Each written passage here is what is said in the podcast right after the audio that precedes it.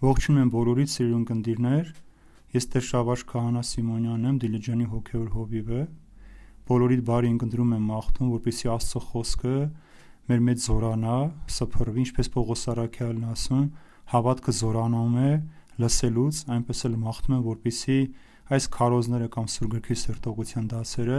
ամենքիդ հոգու փրկության համար մի կաթիլ ջուր լինի, որպեսզի կարողանանք մեր Տեր Հիսուս Քրիստոսի սիրով ու խաղաղությամբ ապրել այս աշխարհի մեջ։ Օրհնյալ Տեր մեր Հիսուս Քրիստոս, ամեն։ Հայր մեր, որ հերկինս ես,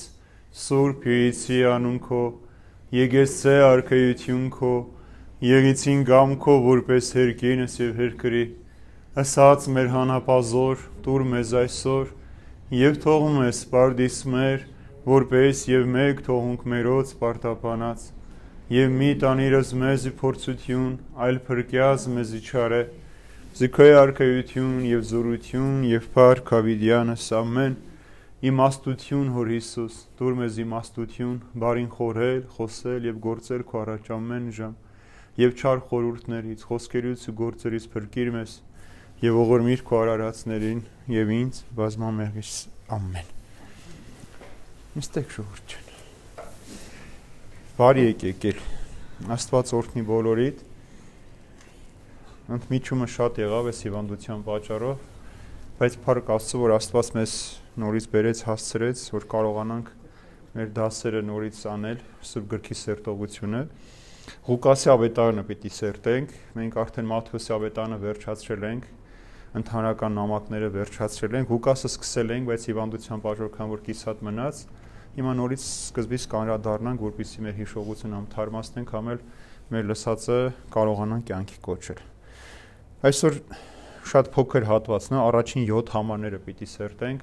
Նախ տեսնենք, թե ինչու է Ղուկաս ավետարանի ճիրավետանը գրել, ում է ուղված եւ ինչի համար։ Առաջին այդ 7 համարները ընթերցենք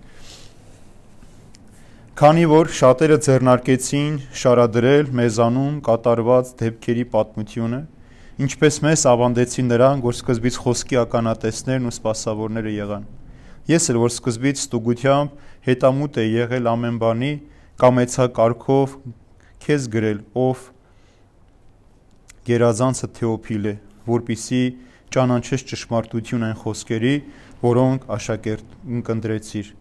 Հրեաստանի Հերովդես թագավորով Աբիայի քահանայական ընտանիքից Զաքար անունով մի քահանա կար, որի կինը Ահարոնի դուստրերից էր, նրա անունը Եղիսաբեթ էր, եւ երկուսն էլ Աստծո առաջ արդար էին ու անարատ կերպով ընթանում էին Տիրոջ բոլոր պատվիրանների եւ օրենքների ճանապարհով։ Նրանք որդի չունեին, որովհետեւ Եղիսաբեթը ամուլ էր եւ երկուսն էլ իրենց առաջացած տարիքում են։ Այսօր այսքանը պիտի փորձենք սերտել։ Ուրեմն Մեր 4 ավետարանիչներից գիտենք, երկուսն են առաքյալներ, Մատթեոսը եւ Հովանեսը, ովքեր որ ականատես են եղել, ամեն ինչին ներկայ են եղել, մասնակից են եղել, իսկ Մարկոս եւ Ղուկաս ավետարանիչները Պետրոս եւ Պողոս առաքյալների աշակերտներն են։ Այսինքն ինչ որ որ լսել էին, ինչ որ որ տեսել էին առաքյալները խոսել են, նրանից էլ գրի են առել։ Բայց քանի որ մենք գիտենք, որ Ղուկաս ավետարանը ինքը նաեւ մասնագիտության բժիշկ էր, եւ բժիշկը իր մասնագիտության համաձայն ամեն ինչ միջև չի ուսումնասիրում, չի տեսնում, գրի չի առնում։ Այնպես էլ Ղուկաս ավետարանիչի ավետարանը ճշգրտություն ունի, ճշմարտություն ամբողջական, որովհետեւ նախ առաքյաների հետ հանդիպես խոսես։ Այդ ժամանակ դեռ ողջ էր Աստվածամայրը, որ շատ դեպքեր ականատեսներ, գնաց տեսա, որպիսի իր գրածը ինչ որ պիտի գրեր, հանկարծ որևէ տարակարծության տեղիք չունենար։ Եվ տեսեք առաջին համարի մեջ ասում է քանի որ շատերը ձեռնարկեցին շարադրել մեզանում կատարվածը, դեպքերի պատմությունը, եւ ինչպես մեզ ավանդեցին, որ սկզբից նրա հետ են եղել տեսել, ինքը ուզում է փորձի իր ձևով եւ երբ որ կարդում ենք առաջին համար, տեսնում որ այս ուղված է ինչ որ մի անձը, որ կոչվում է Թեոփիլե, Թեոփիլոս անունով որևէ մեկին է ուղված։ Եվ Թեոփիլոսը ինքը հունարեն բառ է, որ նշանակում է աստվածասեր։ Եվ երկու իմաստ ունի, մեկնիշների մոտ երկու բան կա Թեոփիլոսի մասին, թե ով էր այս մարդը։ Ուրեմն առաջին կողմնակիցները նրանք էին, ովքեր կարծում են, որ այս Թեոփիլոսը հատուկ մի անձ չէ, մի մարդ չէ, այլ բոլոր այն մարդիկ են, ովքեր աստվածասեր են եւ այս ավետարանը ուղղված է բոլոր մարդկանց։ Այսինքն այն բոլոր մարդիկ, ովքեր Աստծուն սիրում են, տեսնում ուզում եմ հասկանաս ճշմարտությունը այն խոսքերի, որոնց աշակերտեցիր կամ ունկնդրեցիր։ Ուրեմն խոսքը ուղղված է նաև կարող ենք հասկանալ քրիստոնյա մի ամբողջ հասարակություն կամ որևէ համայնքի, որը Պողոս Պողոս Արաքյանն էր հիմնադրել։ Եվ երկրորդը տարբերակը, որ հենց Թեոփիլոսը ինքը արդեն անձ էր, որ հռոմեական բանակում էր ծառայում կամ պալատում էր ծառայում, որ ժամանակակիցն էր եղել, լսել էր Հիսուսի մասին, բայց ուզում էր ավելին իմանալ, որ այդ պատճ եւ այդ պատճառով ձեռնարկեց Ղուկասի միջոցով գրի առնել այս ամեն ինչը, որպեսի գրավոր աղբյուրել ունենալ։ Ուրեմն կամ ընդհանուր բոլորիս է ուղված, այսինքն բոլոր այն մարդիկ, ովքեր Աստվածասեր են, եւ Սուրբ Ամբրիոսը շատ գեղեցիկ խոսք ունի, ասում է նա ով Աստվածասեր է, այս գիրքը իրեն է ուղված, իսկ ով Աստվածասեր է, նա պատվական է։ Սուրբ Ամբրոսս այսպես է մեկնաբանում, ասում է ով Աստվածասեր, այս գիրքը իրեն է ուղված, եւ Աստվածասեր նա պատվական մարդ է, ինչպես որ ինքն ասում է, ով պատվական Թեոփիլոս։ Ուրեմն սրա համար է այս ամբողջ հարված։ Ղուկաս Ավետանիստները մյուսները առասպել չէ որ գրի են առել։ Այսինքն շատ շատերը հատկապես ժամանակակից աշխարհի մեջ փորձում են որ ցույց տալ որ ինչ որ սուրբ գրքի մեջ գրված է հեքիաթանման է եւ ռուս մի մետրոպոլիտ կար ասում է եթե սուրբ գրքի մեջ ինչ որ գրած է հեքիաթ է հավատում եմ այդ հեքիաթի իրականությանը բայց քանի որ մարդիկ սովոր են ամեն ինչ այսօր գիտականորեն ապացուցել անգամ տողերն են ուսումնասիրում, թե այս տողը որ թվականին ավելացած, այս տողը արշարակյալը գրած կլիներ կամ գրած չլինի, Ղուկաս Ավետանիչը դրա համար փորձել է այս ամեն ինչը ականատեսների եւ վկաների վկայությամբ գրել, գրի առնել, որպեսզի ամեն ինչ ճշմարտություն լինի եւ ամբողջական պատկերը լինի։ Եվ ինչպես որ Թեոփիլոսը փնտրողն էր Աստծո խոսքը իմանալու, լսելու, ուրեմն այս ավետան ուղղված է բոլոր այն մարդկանց, ովքեր փնտրում են Աստծո խոսքը եւ ուզում են Աստծո խոսքը լսել եւ ճշմարտությանը հասու լինել փնտրել եւ գտնել ճշմարտություն։ Ուրեմն ավետարանի ամբողջ նպատակը սա է՝ փնտրել Հիսուսին եւ Հիսուսի ճշմարտությանը հասնել։ Ոչ թե այն ինչ որ մեզ պատմում են, մենք լսում ենք սխալ կամ ճիշտ, այլ այն ճշմարտությունը, որ փոխանցված էր մեզ։ Երկրորդ համարի մեջ ասում է ինչպես մեզ ավանդեցին նրանք, որ սկզբից խոսքի ականատեսներն ու սпасավորները եղան։ Ուրեմն հնում առաջին դարում գիտենք որ շատ ուշ են գրվել ավետարանները, վերջինը Հովանես ավետարանիչն էր, որ 95 թվականին ավարտեց, իսկ Մատթեոսը մոտավորապես 50-ից 12-13 տարի հետո նոր ձեռնարկեց գրեր։ Եվ հնում ամեն ինչ փոխանցվում էր ավանդության կամ ավանդույթի միջոցով, բանավոր խոսքով էր փոխանցվում։ Եվ ինչպես որ նաև Հովանես ավետարանիչն է ասում, ասում է շատ բաներ տեսանք, լսեցինք, բայց մի ամբողջ կյանք չէր բավականացնի, որ մենք գրի առնենք. Հիսուսի կատարած հրաշքները, բժշկությունները, Հիսուսի խոսքերը։ Դրա համար այնքանը գրի առան, ինչքանը որ մեզ պետք էր։ Բայց Ղուկաս Ավետանիշը գնաց ականատեսների մոտ, այսինքն փնտրեց գտավ այն հիվանդներին, ովքեր որ կաղ էին եղել, կույր էին եղել, անդամալույց են եղել, հարցրեց նրանց, որովհետև ամենաշատ հրաշքների, բժշկություն եւ առակները գրված են Ղուկաս Ավետարանչի մոտ։ Եթե Մատթեոսը Հիսուսի աստվածությունն էր ապացուցում, Մարկոսը թակավոր լինելը, Հովանես Ավետարանիչը լրիվ ամբողջ աստվածաբանությունը, խոսքնի կարևորություններ, ապա Ղուկասի մոտ գրեթե գործնական կյանքն է եղել, ինչ որ Հիսուս արել է. Բժշկություններ, հրաշքներ, առակներ եւ իրական այդ պատմությունները։ Առաջին մարկանցից մեկն էր նաեւ որ Աստվածածինն էր ողջ եւ Ղուկասի ավետարանչի մեջ է գրված մանրամասները, թե ինչպես հրեշտակապետը այցելեց Մարիամ Աստվածածնին, ինչպես պատվի ասաց, որ պիտի լինի Զաքարիա եւ Եղիսաբեթի պատմությունը, Հովանես Մկրտչի ծնունդը, այս ամեն ինչը Ղուկասի մոտ եւ ամեն ինչը պատմել էր Մարիամ Աստվածը, ինչ որ տեղեր ունեցել։ Եվ դրա պատճառով ինքը ամենավավեր ավետարանն է համարվում, որովհետեւ գրված էր բոլոր բոլոր ականատեսների վկաների միջոցով։ Եվ տեսեք, Հովանես Ավետարանիչն էլ երբ որ իր նամակն ուղում է, ասում է. խոսում ենք նրա մասին, որ սկզբից էր, որի մասին լսեցինք, որին ականատես իսկ եղանք, որին նայեցինք եւ որը մեր ձեռքերը շոշափեցին, այսինքն կենաց խոսքը։ ու տեսեք, ասում է, լսեցինք, տեսանք, շոշափեցինք, զգացինք, ականատես եղանք եւ իր մասին էլ խոսում ենք ձեզ։ Եվ Պետրոս Արաքյանն էլ ասում է, ոչ թե հնարովի առասպելների հետևից գնալով է, որ ձեզ ճանաչեցինք մեր Տեր Հիսուս Քրիստոսի զորությունը եւ գալուստը, այլ մենք ականատես եղանք նրա մեծությանը։ Եվ Պողոս Գործ Կարաքելուցում էր, Պողոս Արաքյալն ասում է, եթե Աստծո առաջ արդար է առավել ձեզ լսել, քան Աստծուն, ինքներդ որոշեցեք։ Իսկ մենք չենք կարող չասել, ինչ որ տեսել ենք եւ լսել ենք։ Ուրեմն ամբողջ խոսքը սրա վրա է հիմնված, ավանդության վրա։ Ինչու է ավանդությունները կարևոր։ Այսօրվա բողոքական եկեղեցիները, աղանդավորական խմբակները մերժում են սուր գրքից դուրս ամեն ինչ մերժում են, չեն ընդունում։ Այսինքն ինչ որ չկա Աստվածաշնչի մեջ գրած, ընդունելի չի։ Բայց երբ որ մենք ուրشادիր թերթենք սուր գիրքը, շատ բաներ կտեսնենք, որ չկա սուր գրքի մեջ։ Օրինակի համար Հուդարաքյալն ասում է, որ Սատանայի հետ Միքայել հրեշտակապետը Մոսեսի մարմնի համար կռվելու համար անգամ չհայոյեց, ասես թող Աստված քեզ պատժի։ Բայց երբ որ կարդում ենք Մովսեսի պատմությունը, կյանքը, մահը, այնտեղ խոս չկա, ասում է Աստված թաղեց մարմինը Մովսեսի, չի ասում որ հրեշտակապետը կռվել է։ Կամ Պողոս Արաքյալն ասում է անգամ Մովսեսի ժամանակ Հանես եւ Հերմես կախարդները այդպիսի հրաշքներ չեն գում։ Եթե նայում ենք այն ժամանակը, որևէ կախարդանուն Մովսեսի ժամանակում գրված չկա։ Կամ երբ որ Աբելն ու Կայենը զոհ բերեցին մատուցելու, գրած օրենք չկար թե ով ինչ պիտի բերեր զոհաբերելու կամ երբ որ Հակոբը երազը տեսավ, արթնացավ, ասում է քարի սեղան պատրաստեց, յուղով ոցեց, դրանից դեռ քանի 100 տարի հետո նոր պիտի օրենքը գրվեր։ Ուրեմն բանավոր խոսք ով էր ասել իրենց, բնականաբար Աստված էր ասել Ադամին, Ադամ իր որդին եւ այդպես սերնդեսերուն փոխանցվել էր բանավոր խոսքով եւ նույնն էլ ավետարանն էր, բանավոր բացատրվում էր կամ սրբապատկերը նկարում էին, նկարը պահում էին, նկարի վրա ցույց էին տալիս, խոսում էին։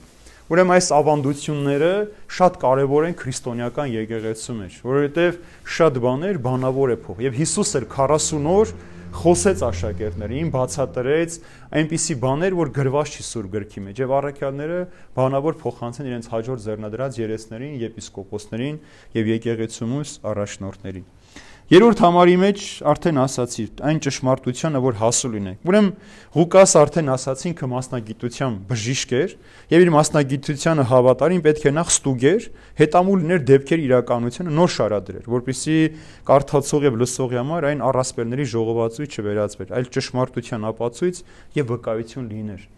Դրա համար ոչ միայն ականատեսները լսեց, այլև հետամուտ եղավ այլ մարդկանց լսելու, ովքեր տեսել եւ լսել էին Հիսուսին եւ կյանքը եւ քարոզները եւ նրա չարչարանքները։ Եվ Տիմոթեոսին ուղված նամակի մեջ տեսեք Պողոս Սարաքյանն ասում է, որովհետեւ մանկուց գիտես Սուրբ Գիրքը, որոնք կարող են իմաստուն դարձնել քեզ փրկության համար, այն հավատի միջոցով, որ Քրիստոս Հիսուսի մեջ է։ Ուրեմն Տիմոթեոսը Սուրբ Գրքին ծանոթ էր, բայց սա փրկության համար քիչ է, որովհետեւ միայն գիրքի կարդացածը մենք չենք կարող հասկանալ։ Շատ տողեր պիտի բացատրվի, մեկի մեզ համար հասկանալի լինի, որpիսի մենք կարողանանք ընկալել։ Եվ դրան օգնության է գալիս ավանդությունը։ Ավանդությունը ավելի հին է, քան Սուրբ Գիրքը։ Մինչև որ Մոսեսը գրեց, դրանից առաջ հարյուրավոր տարիներ ապրել էին ժողովուրդը եւ այդ օրենքները գործադրում էին հենց Աբ รา համին գրավոր չտրվեց, բանավոր տվեց թլպատության օրենքը, այսօրվա խորհուրդը որ կատարվեց զոհաբերության խորհուրդը, սուր սեղանը ինչպես պատրաստելու, ինչպես տասանորդը տալու կամ քահանայության մասին շատ ուշ գրվեց, բայց Մելքիսեդեքը արդեն ինքը քահանայապետ էր եւ Աբ รา համը գիտեր, որ քահանային պիտի 10 քահանապետին տասանորդ պիտի տար։ Ուրեմն բանավոր խոսքը արժեքավոր է, եթե իհարկե չափազանցված չէ։ Դարերի մեջ շատ բաներ փոխվում են, չափազանցվում են, տարբեր մարդկանց են վերագրում, հեքիաթանման են դառնում, բայց բուն ակունք է որ իջնում ենք, տեսնում ենք որ այնտեղ մակրություն է եւ այդ մակրությունը Սուրբ գրքին զուգահեռ գալիս է հասնում է դեպի մեզ։ Չորրորդ համարը որպիսի ճանաչես ճշմարտություն այն խոսքերի, որոնց աշակերտեցիր։ Ուրեմն Ղուկաս բժիշկ ավետարանիչը քննեց բոլոր վկայությունները, թե բանավոր, թե գրավոր եւ հասավ կատարյալ ճշմարտության։ Ուրեմն խոսում է նամակի մեջ Թեոփիլոսին, որ ցա ճշմարտությունը, ինչ որ գրած է, այդ ճշմարտությունը, ինչ որ դու լսեցիր, աշակերտեցիր, հիմա այդ ամբողջը ճշմարտության փոխանցում եմ քեզ, որպիսի հասկանաս։ Եվ դրա համար նաև Սուրբ Գիրքը միայն հայերի մեջ կոչվում է Աստվածաշուն, որ Աստծո շնչով է գրված, եւ ավետարան, որ բարի լուր է փոխանցված, եւ այդ լուրը գալիս է Աստծոց։ 5-րդ համարը. Հրեաստանի Հերովդես թագավորի օրով Աբիայի քահանայական ընտանիքի Զաքարի անունով մի քահանա կար, որի կինը Ահարոնի դուստրերից էր, նրա անունը Եղիսաբեթ էր։ հնում գիտեք թվականներ չկային չէին հաշվում, որ այսինչ թվականից այսինչ թվականը, այլ ասում էին պատմաբանները կամ կան ասում էին այսինչ թակավորի թակավորության այսինչ տարում 14-րդ տարում, 5-րդ տարում, 6-րդ տարում, այսինքն այդպես էին հաշվում դեպքը երբ տեղ ունեն։ Հետո է որ պիտի դարեր հետո քննվեն, որ այս թակավորը եթե կառավարել է առաջինից 15 թվական, 1-ից 15 թվական, ուրեմն եթե 14-րդ տարին նշանակում է 14 թվականին այս դեպքը տեղի ունեցել։ Այնպես էլ այստեղ Ղուկաս ավետարանիչն է գրում եւ ասում է Հերովդես թակավորի օրոք։ Ուրեմն մի քանի Հերովդեսներ կա, մենք երկրորդ գլխի մեջ կտեսնենք այդ Հերովդեսը, բայց այստեղ Հերովդես մեծի մասին է խոսում։ Հերովդես մեծը ինքը ազգությամբ հրեա էր, բայց հռոմեական կայսրությունը ծառայող, հռոմեական կայսրությունը ծառայության մատուցող էր եւ շատ էր հերացել հрьяականությունից ճշմարիտ Աստծոց եւ հрьяաները երբեք էլ նրան իրենց թակավորը չհամարեցին, որտեղ այս մարդը անբարոյ էր եւ չարագործ էր։ Հрья էր ազգությամբ, հերացած հավատքից, օրենքից, ճշմարտությունից եւ ծառայում էր օտար պետությանը։ Այսինքն հрья ժողովրդի համար այս մարդը դավաճան էր։ Դավաճանություն կար այս մարդու մեջ իր ազգի եւ իր հավատքի հանդեպ եւ չարագործ որ կամ ոչագործ մարդ էր։ Իսկ այդ ժամանակ ասում է, սրա ժամանակ կար Աբիայի քահանայական ընտանիքի Զաքարիա անունով մի քահանա։ Ուրեմն հրեական քահանայությունը այդ ժամանակ 24 դասերի էր բաժանվում 24 դասերի բաժանվող քահանաներ կային եւ Զաքարյան պատկանում էր 8-րդ դասի քահանայությանը։ Եվ այս քահանաները տարվա մեջ յուրաքանչյուր դաս իրավունք ուներ երկու շաբաթ տիրոջը ծառայել տաճարում։ Այսինքն այս քահանաները,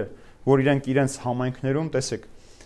Էյքերիմում էր ծառայում, այն ժամանակ Զաքարյան տունը այդ քաղաքում էր, որ Երուսաղեմից 1 ժամվա ճանապարհ է այսօր մեքենայով, երբ որ գնում ես այնտեղ էր ծառայում բայց այս քահանաները տարվա մեջ երկու շաբաթ գալիս են Երուսաղեմ Աստծո տաճարի մեջ ծառայելու զոհաբերություն անելու երբ որ հասնենք այն դրվագ որ խոսում է Գաբրիել հեշտակապես Զաքարիա ուրեմն Զաքարիայի օրն էր որ եկել էր Աստծո տան մեջ իբրև քահանայը պաշտամունք մատուցել, այն սրբավայր, որ տարվա մեջ մեկ անգամ իրավունք ուներ քահանը։ Ուրեմն ամեն դասից 24 դասեր երկու շաբաթով գալիս էին այդ պաշտամունքը մատուցելու։ Եվ Զաքարյան 8-րդ դասին էր պատկանում եւ եկել էր տաճար։ Ուրեմն սրանց համար օրենք էր, որ միայն հրեա աղջիկների հետ նաև պիտի ամուսնանային եւ դրա համար դրա կինն էլ քահանայի ընտանիքից էր։ Տեսեք, ասում է նրա կինը Ահարոնի դստրերից էր։ Նրա ունը Եղիսաբեթ էր եւ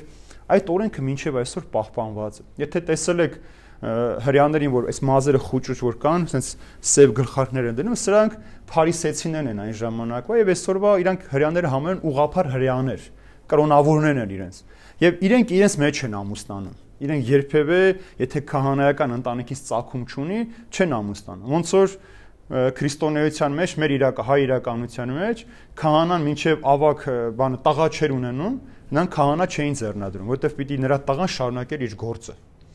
Եվ քահանան էլ ամուսնանում էր քահանայի աղջկա հետ, որpիսի կապը, հոգևոր կապը ամուր լիներ, այսինքն խնդիրներ չլիներ։ Այսօր շատ է պատահում, որ սարկավակ են դառնում, հետո պիտի ամուսնանան, մի աղջիկ են որ հոգևոր այդ կապ չունենում, հետո դժվարությունները, նեղությունները տեսնում են, խնդիրներ է առաջանում։ Իսկ երբ որ արդեն ընտանիքի մեջ հոգևոր կյանքով դաստիարակված էր, տեսնում էր, պատրաստ էր, ինքը արդեն շատ հանգիստ էր այդ բոլոր ծառայությունների մեջ եւ իր ամուսնու կողքն է լինում։ Եվ ահա Զաքարյանն էլ ամուսնացած էր Եղիսաբեթի հետ, ով Ահարոնի, այսինքն նրա պապն էր քահանա, քահանայական ընտանիքից էր եւ ամուսնացած էր Զաքարիայի հետ։ Ուրեմն Եղիսաբեթը Մարիամ Աստվածածնի մորաքրոջ աղջիկն էր։ Որ ասում է, չէ, ազգական է, որ Մարիամին ասում է, որ ահա քո ազգական Եղիսաբեթն էլ իր ծերության մեջ հղի էր։ Եվ մորաքրոջ աղջիկն, Եղիսաբեթի մեծ հայրը, պապը, որ քահանա էր, նա 3 դուստրեր ուներ։ 3 աղջիկ ուներ նրա պապը։ Ուրեմն առաջինի անունը Աննա էր, երկրորդի անունը Սոմիֆե էր, երրորդի անունը Մարիամ էր։ Ուրեմն Առաջինը մեծը Աննան էր, Աննայի զավակը Մարիամ Աստվածածին է եղավ։ Ուրեմն տեսեք, դե Մարիամ Աստվածածինը, ուրեմն Հիսուսը պետք է թակավորական ընտանիքից լիներ եւ քահանայական, չէ՞։ Ուրեմն Դավթի սերնդից էր, այսինքն թակավորական ընտանիքից էր Հոսեփը գալիս, Մարիամն էլ քահանայական ընտանի, այսինքն Հիսուսը եւ թակավոր էր եւ քահանայական, նաեւ ֆիզիկապես, մարմնապես էր այդպեսին։ Ուրեմն Աննան մեծ աղջիկներ, սրա զավակը եղավ Մարիամ Աստվածածինը։ Սոֆիմեի զավակը Եղիսաբեթն էր այս Զաքարիայի կին Եղիսաբեթներ, իսկ երրորդը Մարիամի զավակը Սողոմոն էր, Հակոբոս Տիարնեղբոր եւ Հովանեսի Հակոբոս եւ Հովանեսի մայրը։ Դրա համար ասում ենք Տիարնեղբայր, չէ, Հակոբոս Տիարնեղբայր ենք ասում նաեւ։ Ուրեմն ոչ թե Հիսուսի հարազատ եղբայրներն էին, տիրոջ եղբայր, այլ մորաքրոջ տղաներն էին գալիս։ Դրա համար շատ հաճախ երբ որ ասում են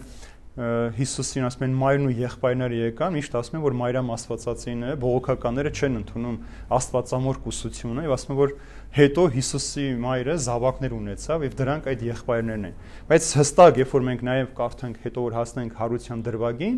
ասում է որ գերեզման գնացին Մարիամ Աստվածածինը, Մարիամ Մագդաղենացին եւ Հագոփոսի մայր Մարիամ, այսինքն ինքը առանձնացնում է արդեն հստակ դեմ է որ սա Մարիամ Աստվածածնի զավակները չեն։ Ուրեմն Աննայի զավակը Մարիամ Աստվածածին էր, Սոֆիմեինը Եղիսաբեթն էր եւ Մարիամի զավակներ Սողոմոն էր, ով նաեւ Հակոփոսի եւ Հովանեսի մայրն էր։ Եվ այս Սողոմեն, հետո կը մյուս դասին կտեսնենք, Հիսուսի ծնունդը ընդունողն էր։ Եվ դրա համար, երբ որ պետք մոտեցավ 50, ուզում եմ տղաներս մեկը քո աչում նստեն, մյուսը քո ձախում նստեն։ Այսինքն դայակ էր եղել նրա համար կամ սնտու են հա սնտտուն է եղել դրա համար համարցակվեց Հիսուսին խնդրել որպեսզի իր զավակներին իր աչ կամ ձախ կողմում նստեցներ Նրանք երկուսն էլ առաջացած տարիքում էին, չէ՞։ 6-րդ համարի մեջ ասում է, որ երկուսն էլ Աստծո առաջ արդար էին ու անարատ կերպով ընթանում էին Տիրոջ բոլոր պատվիրանների եւ օրենքների ճանապարհ։ Ուրեմն շատ կարևոր էստեղ բացահայտում է անում կամ խոսք է ում ասում են նրանք երկուսն էլ Աստծո առաջ արդար էին։ Սա շատ շատ կարևոր խոսք է, որ երկուսն էլ Աստծո առաջ, չի ասում մարդկանց առաջ, ասում է Աստծո առաջ։ Ուրեմն երկուսն էլ դեվ քահանա էր, քահանայի կին էր, քահանայի ընտանիքից ծերող էր, բայց երբեք հպարտության մեջ չեղան, երբեք ամբարտավան չեղան եւ երբեք էլ չփորձեցին մարդկանց առաջ արդար Երևալ Ինչ որ այսօր է կատարվում։ Այսօրվա մարդը միշտ մարդու առաջ է ուզում արդար Երևալ, երբեք ուշադրություն չի դարձնում, ինչպիսին պիտի լինի Աստծո առաջ։ Դա կլինի հոգևորական, դա կլինի པարս հավատացյալը, դա կլինի իշխանավորը, դա կլինի པարս աշխատավոր մարդը, բոլորն էլ փորձում են մարդկանց հաճելի լինել։ Դրա համար է Պողոս Արաքյալն ասում. «Քավ լիցի, եթե ես փորձեի մարդկանց հաճոյանալ»։ Մենք կարող ենք մեր խոսքով, մեր տեսքով, մեր կեցքածքով, մեր գործով մարդկանց հաճել լինի։ Այսօր քարոզի ժամանակ էլ ասած, չէ՞ որ մենք շատ հաճախ լինում ենք այնպես, ինչպեսին մարդիկ ուզում են, որ մենք լինենք։ Մարդիկ ուզում են մեզ տեսնել սուրբ, մենք սուրբ ենք ձևան, բայց իրականում մենք սուրբ չենք։ Ուզում են մեզ խոնար տեսնել, մենք խոնար ենք։ Ուզում են որ մեզ առաքինություններ են վերագրում, մենք այդ վերցնում ենք մեզ այդ առաքինությունները, բայց մենք դրանով չենք ապրում։ Եփրեմ ասորին ասում էր ես միայն տեսքը ունեմ քրիստոնյայի, բայց ոչ գործն ու ճշմարտությունը։ Ասում եմ, որտեվ ես արտակինից պահեցող եմ, ներսից ագահ եմ։ Արտակինից խոնար եմ, ներսից հպարտ եմ։ Միայն անունը ունեմ, ասում էր քահանայի, բայց ոչ երբեք քահանայի գործն ու ճշմարտությունը։ Ուրեմն այս մարդիկ ունեին ոչ միայն անունը քահանայի, ոչ միայն ունեին Աստծուն հավատացողի, այլև գործն ու ճշմարտուն եւ դրա համար ասում է այս երկուսն էլ արդար էին Աստծո առաջ։ Ուրեմն շատ կարեւոր է որ մարդը Աստծո առաջ արդար լինի։ Մենք ցանկացած մեկից կարող ենք թաքցնել մեր ինքնությունը։ Մենք ցանկացած մեկից կար մոտ կարող ենք կեղծել։ Ոչ մեկ էլ այդպես էլ չիմանալ մեր իրական կերպը, մեր իրական կյանքը, մեր իրական խոսքը ինչպիսին է։ Որտեղ մենք շատ հաշտակ կարող ենք հասարակության մեջ այլ լինել, բայց մեկ ուրիշտեղ լրիվ ուրիշ մարդ լինել։ Երբ որ մենք առանձին ենք, մենակ ենք Աստծո առաջ։ Օրինակ դերասանը ինչպես է։ Ինքը բեմի վրա շատ լավ խաղում է իր դերը, բայց երբ որ ինքը գնում է հանդերձարան, հանում է կեղծամը կամ մյուս ատրիբուտները եւ ինքը մնում է մենակ իր հետ։ Բայց վայ այն քրիստոնյային, որ ինքը ոչ միայն խաղում էլ մնում է այդ կերպարի մեջ, այդ հանդերձներով մնում է։ Արտակինը կարող ենք մենք ապահովել։ Կարող ենք ապահովել արտակին մեր տեսքը մարդկանց մոտ արդար երևալու, բայց Աստծո մոտ շատ դժվար է այդ ամեն ինչը թաքցնել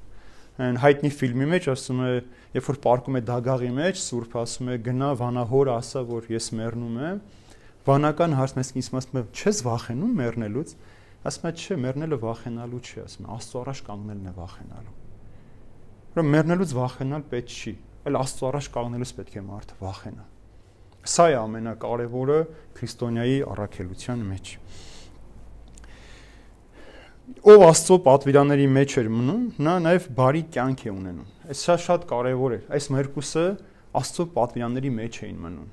եւ դրա համար իրենց կյանքն էլ բարության կյանք էր։ Բայց զավակ չունեին։ Հաջորդ համարի մեջ ասում է նրանք որդի չունեին, որովհետեւ Եղիսաբեթը ամուլ էր եւ երկուսն էլ իրենց առաջացած տարիքում են։ Տեսեք, Աստծո առաջ արդարեին,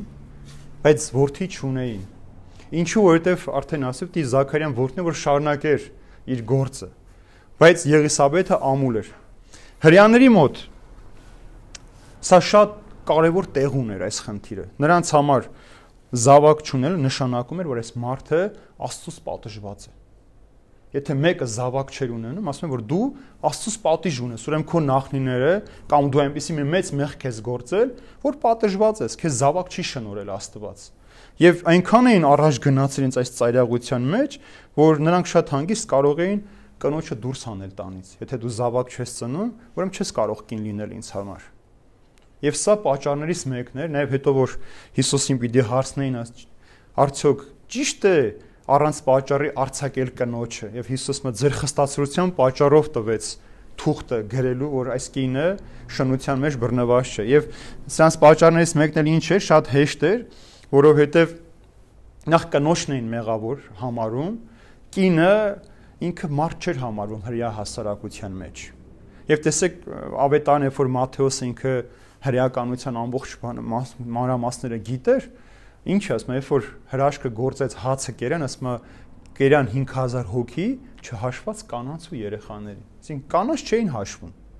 մարդ չէին, այսինքն եթե հաշվենք կանանց ու երեխայի, մոտավորապես 10000 հոգի կերան։ Մենք ասում ենք 5000-ի կերակրումը, բայց իրականում 10000 հոգի կերան։ Կամ Հիսուսը երբ որ դիմում է Մարիամ Աստվածամորը, ասում է Հիսուսին երբ որ ասում է գինի չունեն, ասում է ով կին, ով կա իմ մեջ եւ քո միջև։ Կամ խաչյուր ասում է ով կին, ահա քո որդին։ Այսինքն դիմելու ձև էր տիկին բառին հավասար, բայց երբեք չէին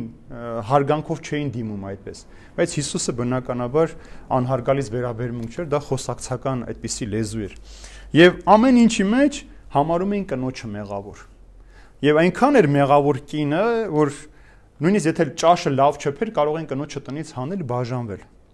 Եվ քանի որ այն ժամանակ կինը միշտ օժիտ իր հետ բերում էր, երբ որ կնոջը դուրս էին հանում, օժիտը հետ չէին տալիս, մնում էր ամուսնուն։ Եվ միակ մեկ պարագան էր, որ կարող էին դուրս հանել, դա շնության պարագան էր եւ դրա համար Մովսեսը օրենք թողեց, օրենք իբրև Աստծուց չէր, այլ Մովսեսի հանձնարարությունն է, որ մի հատ թուղթ գրեք տվեք, որ այս կինը շնության բռնված չէ, որ նախ չքարկոծեն եւ երկրորդն էլ որպես իրենց տարածը հետ ստանային։ Եվ ահա այս մարտիկ զավակ չունեին։ Եղիսաբեթը ամուլ էր եւ երկուսն էլ առաջացած տարիքում էին։ Եվ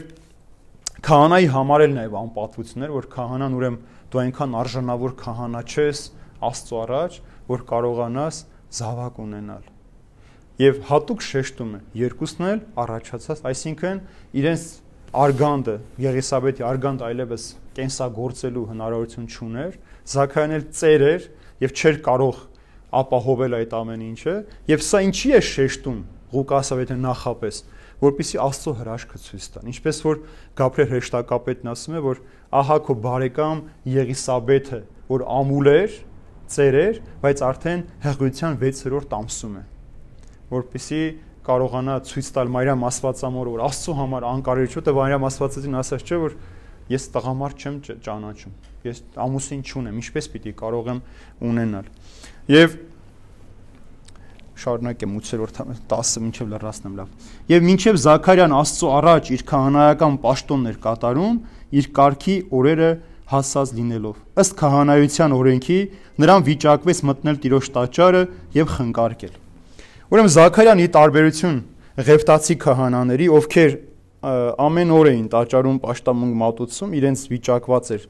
տարվա մեջ միայն արդեն ասեմ, միայն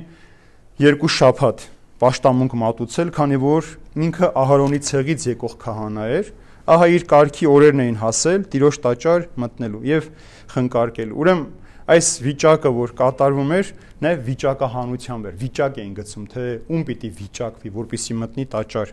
Եվ յուրաքանչյուր քահանայի իր ողջ կյանքի ընթացքում միայն մեկ անգամ էր վիճակվում։ Այսինքն ինքը կարող էր 20-30 տարի քահանա լինել, բայց տարվա մեջ ամբողջ կյանքի մեջ մեկ անգամ էր հասնում այդ օրը, որ ինքը կարողանար մտնել տաճար եւ այնտեղ խնկարկել։ Եվ այդ երբ որ մտնում էր, անպայման մտնում էր Տիրոջ սրբարանը, որտեղ որ սրբություն սրբոսն էր, որ վարակույրով փակված էր, միայն քահանապետը տարվա մեջ մեկ անգամ կարող էր մտնել այնտեղ։ Երբ քահանաներից մեկը մտնում էր նաև սրբարան, մյուս քահանաները եւ ժողովուրդը սպասում էին դրսում դրսում հավաքվում էին, որ այդ մեկ հոգին մտներ այնտեղ, խնկարկել դուրս գար, որպիսի ներսում եղող քահանան վերջում դուրս գա եւ օրհնի իրենց։ Ուրեմն Զաքարիայի կարգը օրը համընկել էր մի մեծ տոնի, որ հрьяաները կոչում էին խավության օր։ Այդ պատճառով էլ ավետարանիշն ասում է ժողովրդի ամբողջ բազմությունը սпасում էր դրսում։ Ուրեմն խավության օրը մոտավորապես սեպտեմբեր ամիսին էր այսօրվա մեր ժամանակով գալիս եւ այդ օրը Աստված մեկ օր ծոմապահություն էր հաստատել ամբողջ ազգը մեկ օր ծոմ էր պահում եւ երբ որ մենք կարդում ենք Փարիսեցի Մաքսավորի աղոթքը առակը տեսնում ենք որ ասում է Ես ասում եմ, չէ, 10-րդ եմ տալիս, շաբաթը երկու օր ծոմ եմ պահում։ Ուրեմն Աստված չի պատվիրել, որ մենք իրենք հрьяաները շաբաթը երկրորդ ծոմ պահեին, բայց այս մարդը որպեսի ցույց տա իր ավառավել արժանավոր լինելը, ինքը որոշել էր որ պետք է շաբաթը երկրորդ ծոմ պահի։ Եվ այս խավության օրն էր, որ բոլոր մեղքերը ներվում էին ժողովրդի եւ ով ինչ պարտք ուներ իրար պիտի ներվեր։ Եվ խավության օրը նշում էր սեպտեմբեր 10-ին եւ անպայման օրը պետք է շաբաթ լիներ, արդեն սեպտեմբեր ամիսներ եւ անպայման պետք է շաբաթ օր լիներ։ 11 համարից ասում եմ Տիրոջ հրեշտակը երևաց նրան, խնկերի սեղանի աջ կողմում կանգնած։ Ուրեմն քահանաները, երբ մտնում էին սրբարան, այնտեղ աղոթում էին երկու բանի համար։ Այսինքն, երբ որ վարակույրը որ փակվում է, մեր պատարակի ընթացքում այդ նույն խնդիրն է այնտեղ էլ տաճարում կար սրբություն սրբոցը որ միշտ փակ էր վարակույրով տեսեք ասում է որ Հիսուսը խաչված մեջ է վարակույրը վերևից ներքև պատրվեց սրբություն սրբոցը այսին Աստված հասանելի դարձավ մեզ համար վարակույրը փակվել բացվել է այդ սրբությանը որ քահանան նախ այնտեղ պատրաստում է սրբությունը հետո երբ որ երկրորդ անգամ փակվում է ինքը հաղորդվում է հետո նոր դուրս է գալիս եւ երկու բանի համար էր քահանան մտնում այնտեղ սրբարան աղոթում էր։ Առաջինը, որպեսի Տերը Մեսիային աշխարհ ուղարկի։ Մենք երբ որ վարակույրը փակվում պատարակին, հետո բացում է սկզում, որ քահանան իշտում է, ինչ է նշանակում, մենք ժողովուրդ մենք պատրաստ ենք աշխարհ գալուց։ Ուրեմն Քրիստոսի աշխարհ գալն է խորհրդանշում։ Ուրեմն մտնում էին, աղոթում էին, որ Աստված հնարավորություն ավելի շուտ անի, որ Մեսիան աշխարհի փրկիչը գա աշխարհ եւ դրա համար քահանան երբ որ իշտնում է պատտվում է մարդկանց մեջ Հիսուսի առաջին անգամ աշխարհ գալն է խորհրդանշում պատտվում է մեր մեղքերը մեր ցավերը հիվանդությունը վերցնում է իր հետ նորից հետ է տանում սրբություն սրբոցը Աստծո խորանը եւ երկրորդը իրեն ժողովրդի մեղքերի խավության համար էին աղոթում եւ իրենց ազատություն հռոմեական լծից ուրեմն ժողովրդի մեղքերի խավության համար դենք ծածուկ աղոթքը արդեն երկրորդ անգամ որ վարակույրը փակվում է որ սկիհով շրջվում է քահանա, այնտեղ հենց հատուկ ժողովրդի համար, ասում ենք Տեր Աստված, դու քո անսուտ բերանով ասեցիր, որ ով այս հացը ուտի այս գինին խմի, ես նրա մեջ պիտի բնակվեմ, նա էլ իմ մեջ պիտի բնակվի եւ մաքրիր մեզ մեր մերելոտի գործերից։ Այսինքն մեր մեռած, նեխած կյանքը փոխիր։ Ուրեմն առաջին անգամ բարակրի փագորից աշխարհ գալուց Հիսուսը որ աշխարհ գա, մենք հիմա արդեն երկրորդ անգամ որ աշխարհ գա աշխարհը դատելու տիրոջ թակավորությունը հաստատելու համար եւ երկրորդ արդեն մեր ժողովրդի մեղքերի խավության համար եւ ազատություն չար իշխանություններից, երկավոր իշխանություններից։ Տեսեք, այստեղ ի տարբերություն մյուս ավետարանիչների, Ղուկաս ավետարանիչը շատ է խոսում հրեշտակների մասին։ 23 անգամ հրեշտակների հայտնվելու, խոսելու մասին ավետարանի մեջ ունի Ղուկաս ավետարանիչը։ Քանի որ հավատում էր, որ հրեշտակները մարդկանց երևում են օգնելու համար։ Ուրիշ տեղերը թե նայենք, գրեթե չկան։ Շատ քիչ դեպքեր կան հրեշտակ, 1 կամ 2, իսկ Հողգաս Ավետամյուս 23 անգամ հրեշտակի խոսելու մասին նորություն կա։ Եվ հրեշտակները երևում են օգնելու համար։ Տեսեք Գաբրիել հրեշտակապետը Աստծո падգամաբերն էր։ Բոլոր բարի լուրերը, ինչ որ Աստված ուներ փոխանցելու, Գաբրիել հրեշտակապետի միջոցով էր փոխանցվում։ Ռաֆայել հրեշտակապետը հիվանդներին, տկարներին օգնելու համար էր հայտնվում Միքայել հրեշտակապետը երկնային զորքերի, Աստծո զորքերի հրամանատարն էր եւ սատանայի դեմ պատերազմողներ, սատանային հաղթողներ։ Եվ հրեշտակները երևում էին Աստծո լուրը վերելու, օգնելու հիվանդություններից ու վտանգներից։ Ուրեմն հրեշտակը ասում է աչ կողմում էր կանգնած, երևաց աչ կողմում, որը խորթանշում է, որ նա Աստծո կողմից եկավ օրհնության եւ խաղաղության համար։ Եթե ձախ կողմից գար, պատերազմի խորհրդանիշ այսինքն պատժելու համար էր գալիս, բայց եկավ խաղաղություն եւ օրհնություն բերելու։ Այսքան այսօրո մասին ասեմ, որ հետո մնացած արդեն հրեշտակի Գաբրիել հրեշտակապետի եւ Զաքարիա երկխոսության մասին է, սա հաջորդ դասին կանենք։ Ուրեմն ինչ կարևոր բան ունենք այստեղ մենք այսօր։ Տեսեք, առաջինը Ղուկաս ավետարանիչի խոսք ուղված բոլոր այն մարդկանց Թեոփիլոսին կամ ամեն մեկից անznապես ով ճշմարտությունն է փնտրում եւ ուզում է հասու լինել ճշմարտությանը, եւ բոլոր նրանց, ովքեր Աստվածասեր են, ուզում են Քրիստոսին ճանաչել։ Մենք աղոթքով կարող ենք նաև Քրիստոսին ճանաչել։ Մեր բարի գործերով կարող ենք զգալ Քրիստոնի ներկայությունը, բայց Սուրբ Գիրքը կարդալով է, որ մենք ճանաչում ենք Քրիստոսի բնավորությունը, Քրիստոսի տեսքը, Քրիստոսի նիստուկացը, Քրիստոսի վերաբերմունքը հիվանդին, ընկածին, կարիքավորին, նաև գովքը ինչպես է ինքը գովում։ Տեսեք Նաթանայելի մասին, չէ, որ ասում է ահա մի իսրայելացի, որի մեջ նենգություն չկա, այսինքն Բարթողոմեոս Արաքյալի մասին էր, որ ասում է մի եք իսրայելացի, որի մեջ նենգություն չկա։ Տեսեք գովքը, եթե դու մաքուր ես, Աստված երբեք չի անտեսվում։ Եթե դու Աստվածասեր ես, մի շնորհը գտնում ես։ Երկրորդը Ղուկաս Ավետարանիչը ներկայացնում է ամբողջ պատմությունը մանրամասը։ Նախ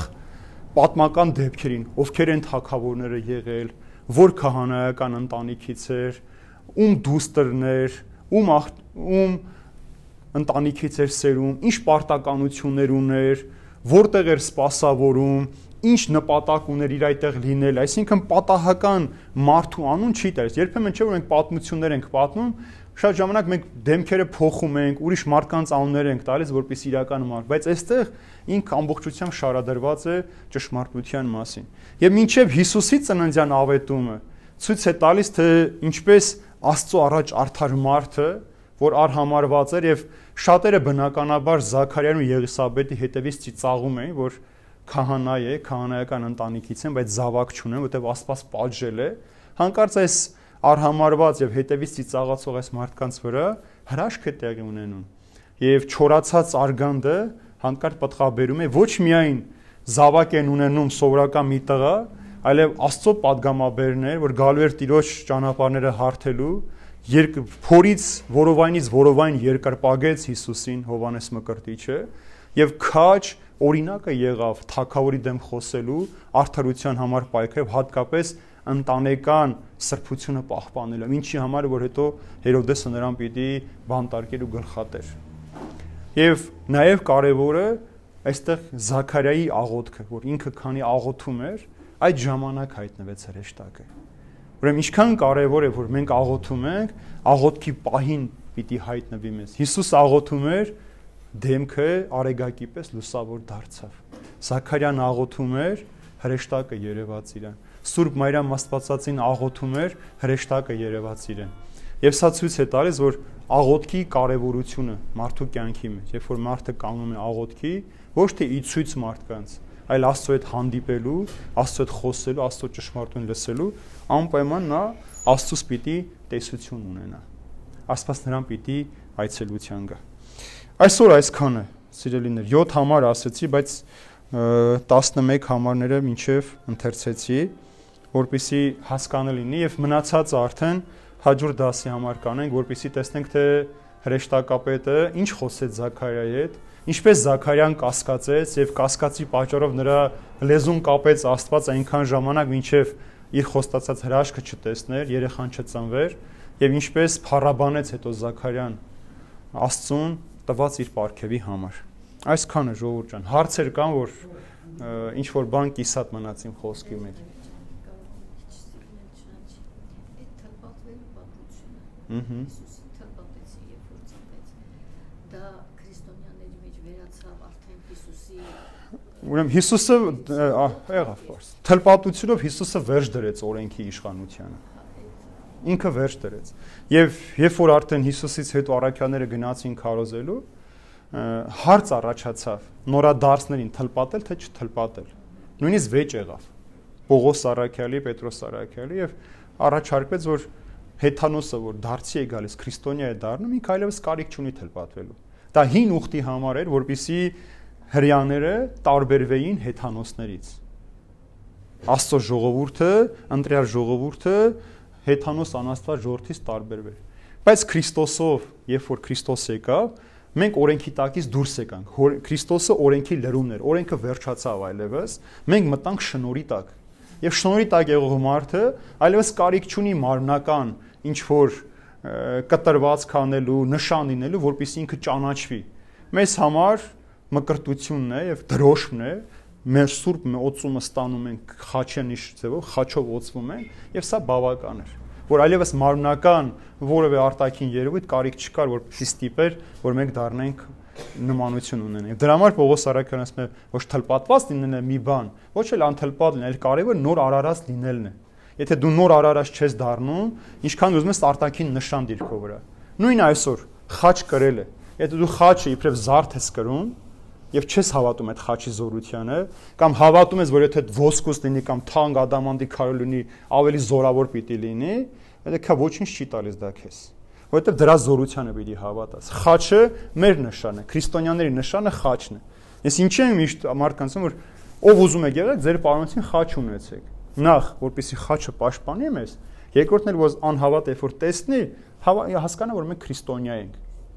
Հիմա եթե ես հակուստը հակս չլինի, ես օտար երկրում լինեմ, ինչպես պիտի մար ես քրիստոնյա եմ։ Իմ պարոնություն կախված խաչից որ ես քրիստոնյա եմ։ Դա իմ նշանն է։ Եթե հрья համար թլպատությունն էր նշան, որ ինքը Աստծո ժողովուրդն է, քրիստոնյայի համար խաչն է նշան։ Այդ խաչի նշանով ենք։ Եվ դրա համար Պողոս Արաքյալից մը քավլիցի, մենք այդ այլ բանով բարձենանք, քան մեր Տեր Հիսուս Քրիստոսի խաչով։ Եվ Հիսուսի թլպատությամբ օրենքը վերջացավ։ Այլևս վերջ օրենքը չի գործում Քրիստոսին հավատացողների վրա։ Ով որ ուզում է հрьяական օրենքով ապրի, կարող է ապրել այդ օրենքով, բայց այդ օրենքով պիտի դատվի։ Եթե օրենքի մի տառն էլ չպահեցիր, արդեն մեղանչում ես այդ օրենքի առաջ։ Իսկ մենք շնորի տակ ենք եւ շնորով պիտի փրկվենք։ Դրա համար առաքյանները ժողով արեցին եւ 49 թվական առաջին առաքելական ժողովը դրան էր ուղված, որ թլպատել թե չէ, եւ որոշվեց, որ նորադարձը կարիք չունի հրեական սովորության անցնի քրիստոնեություն։ Դա քրիստոնեությունը նոր կյանքի սկիզբ էր, նոր աշխարհ հայացք էր եւ ամեն ինչ նոր էր, արդեն Հիսուս Քրիստոսով։ Եվ քրիստոնյա բառը, Քրիստոս բառը նշանակում էր օցիալ։ Մասն քրիստոնյա նշանակում է օցիալներ։ Մենք օծված ենք արդեն Քրիստոսով եւ կարիք չունենք արտաքին նշանների, մարմնական նշանների, որպիսի։ Մենք շատ հաճախ այսօր մարդիկ գնում են Երուսաղեմ, իրենց թևերի վրա դաջվածք են անում, ուխտավորի նշանում, որ իրենք Երուսաղում եղել են։ Հիմա եթե դաջվածքը չանեմ ձեռքիս վրա որ գնացել եմ Երուսաղեմ։ Հա, հաջիներ նշան ունեն իրենց վրա։ Ապա արտադիր այս աչ թևի վրա նշան են անում, ուխտավորի նշան կա, Երուսաղեմում անում են։ Բայց դե դրան էլ հակասում ենք Քրիստո Աստծո պատվին, որ ասում է որևէ մեկի հիշատակի համար կամ որևէ մեկի անվան համար քո վրա դաջված չանես Սա Աստծո տաճարն է եւ այս տաճարը պետք է սուրբ պահվի։ Որովե մեկի հիշատակն ասում կտրված չանես քո վրա, դաջված չանես քո վրա կանչ որ կտրում են իրենց зерքերը տանակով կամ ինչ որ բանով, որոնց ստրեսների մեջ են լինում, չի կարելի անել, որտեղ սա մկրտությամբ սուրբ հոգու տաճար է դարձել։ Այդ տաճարը պետք է մաքուր պահել։ Մեկի հրեաները Քրիստոսը հրեա էր։ Քրիստոնեություն իրանց դուրս եկավ։ Հիմա նրանք Քրիստոսը հրեա չէր, ինչպես որ այսօր շատերն ասում են հրեայի հավատքը բերեցինք մեզ։ Ուրեմն Աստծո ժողովուրդ միակ ճշմարիտ Աստծուն հավատացող մնաց այդ ազգը։ Եւ աշխարհի մեջ ամենամաքուր մարդը Մարիամ Աստվածածին այդ 15 տարեկան աղջնակն էր։ Ու միջոցով ծնվեց։ Ինչու՞։ Մա տեսեք, հայ ժողովուրդը, մեր որ մեր պատմությունը հետ ենք դառնում, մեր ազգը համարվում է Թորգոմի տուն։ Թորգոմա տունը համարվում Հայաստանը նաև։ Թորգոմը հայ նահապետի պապն էր եւ սա էլ թորներ նոյ նոյի նշանակում է որ հայերն էլ սկզբից մեկ աստծո գաղափարն ունեցել են, այսինքն ճշմարիտ աստծուն հավատացել են։ Ինչպես որ երբ որ Պողոս Արաքյալը գնում է Աթենք, այնտեղ բագիններ կային, կրակի աստծուն, անձրևի աստծուն, ջրի աստծուն, մեկի վրա գրած էր անհայտ աստծուն։ Ասում է ես ձեզ այդ անհայտ աստծո մասին եմ խոսում։ Այսինքն բոլոր ազգերի մեջ էր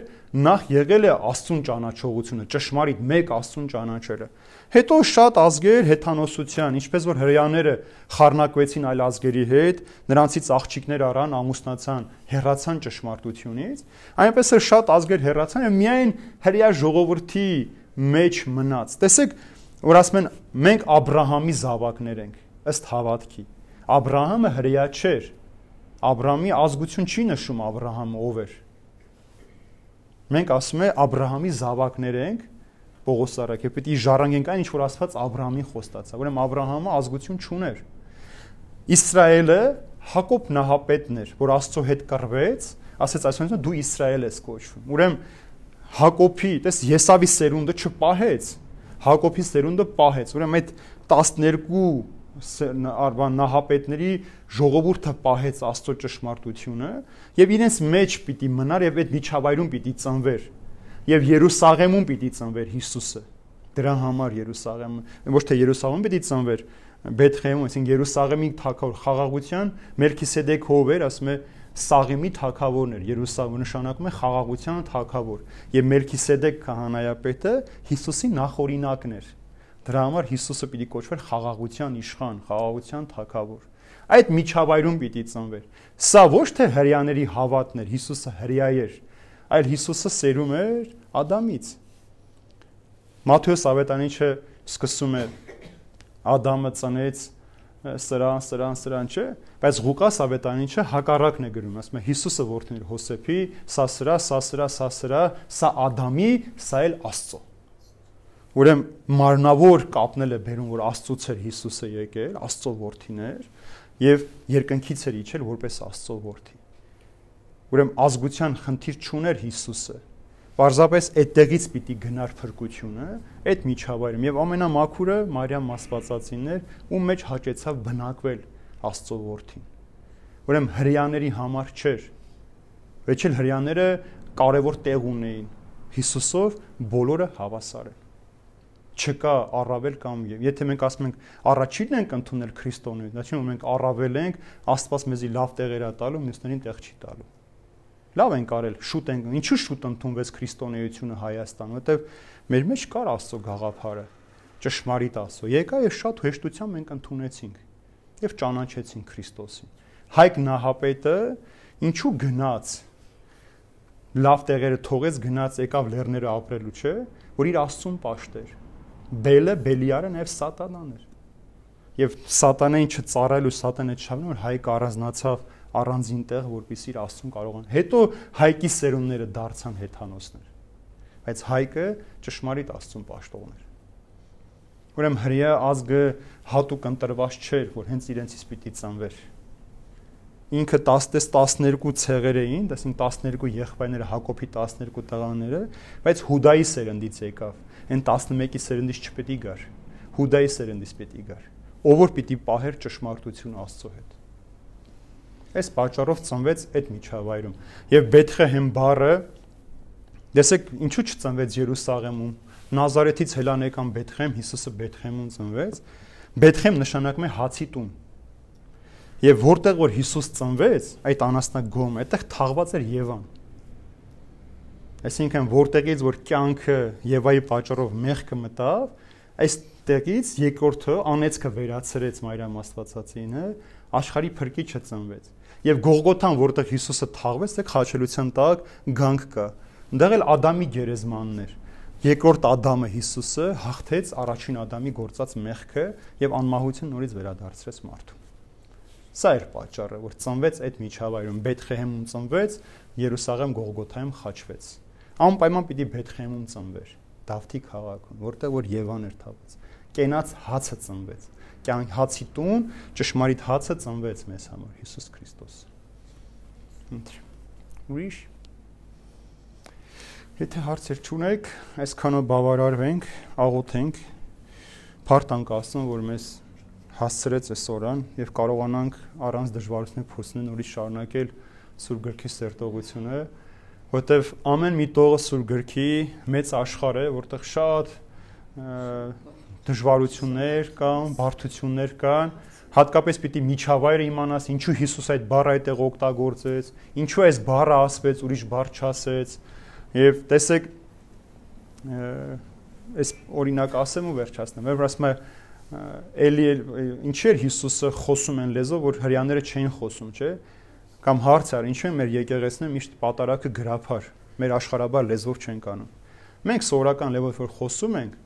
Մենք այս լեզով հայոյում ենք, խափում ենք, եղծում ենք, բայց գրափարով միայն աղոթում ենք։ Ուրեմն դա Աստծո հետ խոսելու լեզուն է, դրա համար այդ լեզուն է պահպանված, որով մենք վատ խոսքեր չենք ասում, միայն աղոթում ենք։ Իսկ ամենօրյա մեր առօրյա լեզվի մեջ մենք ամեն օր մեղքերի մեջ ենք։ Իսկ դա նույնն էլ Հիսուսը օգտագործում էր բառը, տես էլի էլի լամա սաբակթանի, չէ՞, ասենք, կարար ուրիշ ձևով ասեր, արամերեն խոսեց, կամ երբ թաղա վեր կաց աղջիկ, Չէ, այս բառերը ինչ էր հատուկ օգնում, որ ցույց տար, որ Աստծո հետ խոսելու համար հատուկ լեզու է պետք, եւ այդ լեզուն պետք է պահպանել, ինչպես որ մեր գրափարը, ինչպես որ ուղափառ բոլոր եկեղեցիները հին սլավոներեն են օգտագործում, կաթոլիկ եկեղեցի մինչև այսօր լատիներեն լեզուն է, այսինքն Աստծուն պաշտելու լեզուն պիտի տարբերվի մեր ամենօրյա խոսակցական լեզվից զուտ դրա համար։ Եղա, որpիսի նաև տեսնենք թե այդ բառերը ինչի է դրված այստեղ, հասկացնելու նաև մեզ, որ դրա համար է արված, որ մենք Աստծուն կարողանանք այդ լեզվով պաշտել։ Այսքան այսօր։ Շնորհակալություն Աստված Պապան, աղոթ կանենք միասին։ Հավատով խոստովանում եւ երկրպագում եմ քեզ, Հայր, Որդի եւ Սուրբ Հոգի, անհեղ եւ անմահ բնություն, արարիչ հրեշտակների, երկնքի եւ մարդկանց եւ բոլոր երևույթների եւ ողորմիր խորարածներին եւ ինձ բազմամերիս։ Հավատով Թող Տերը օրհնի ամենքիդ, խաղաղությունը սիրո մեջ պահի եւ սիրո Աստվածը թող ամենքիդ ընտանիքների մեջ զորություն, պահպանություն պահի, որպեսզի երբևէ չսասեն ու չվախենաք այս աշխարհի բոլոր նեղություններից ու դժվարություններից։ Աստված պահապան ամենքիդ։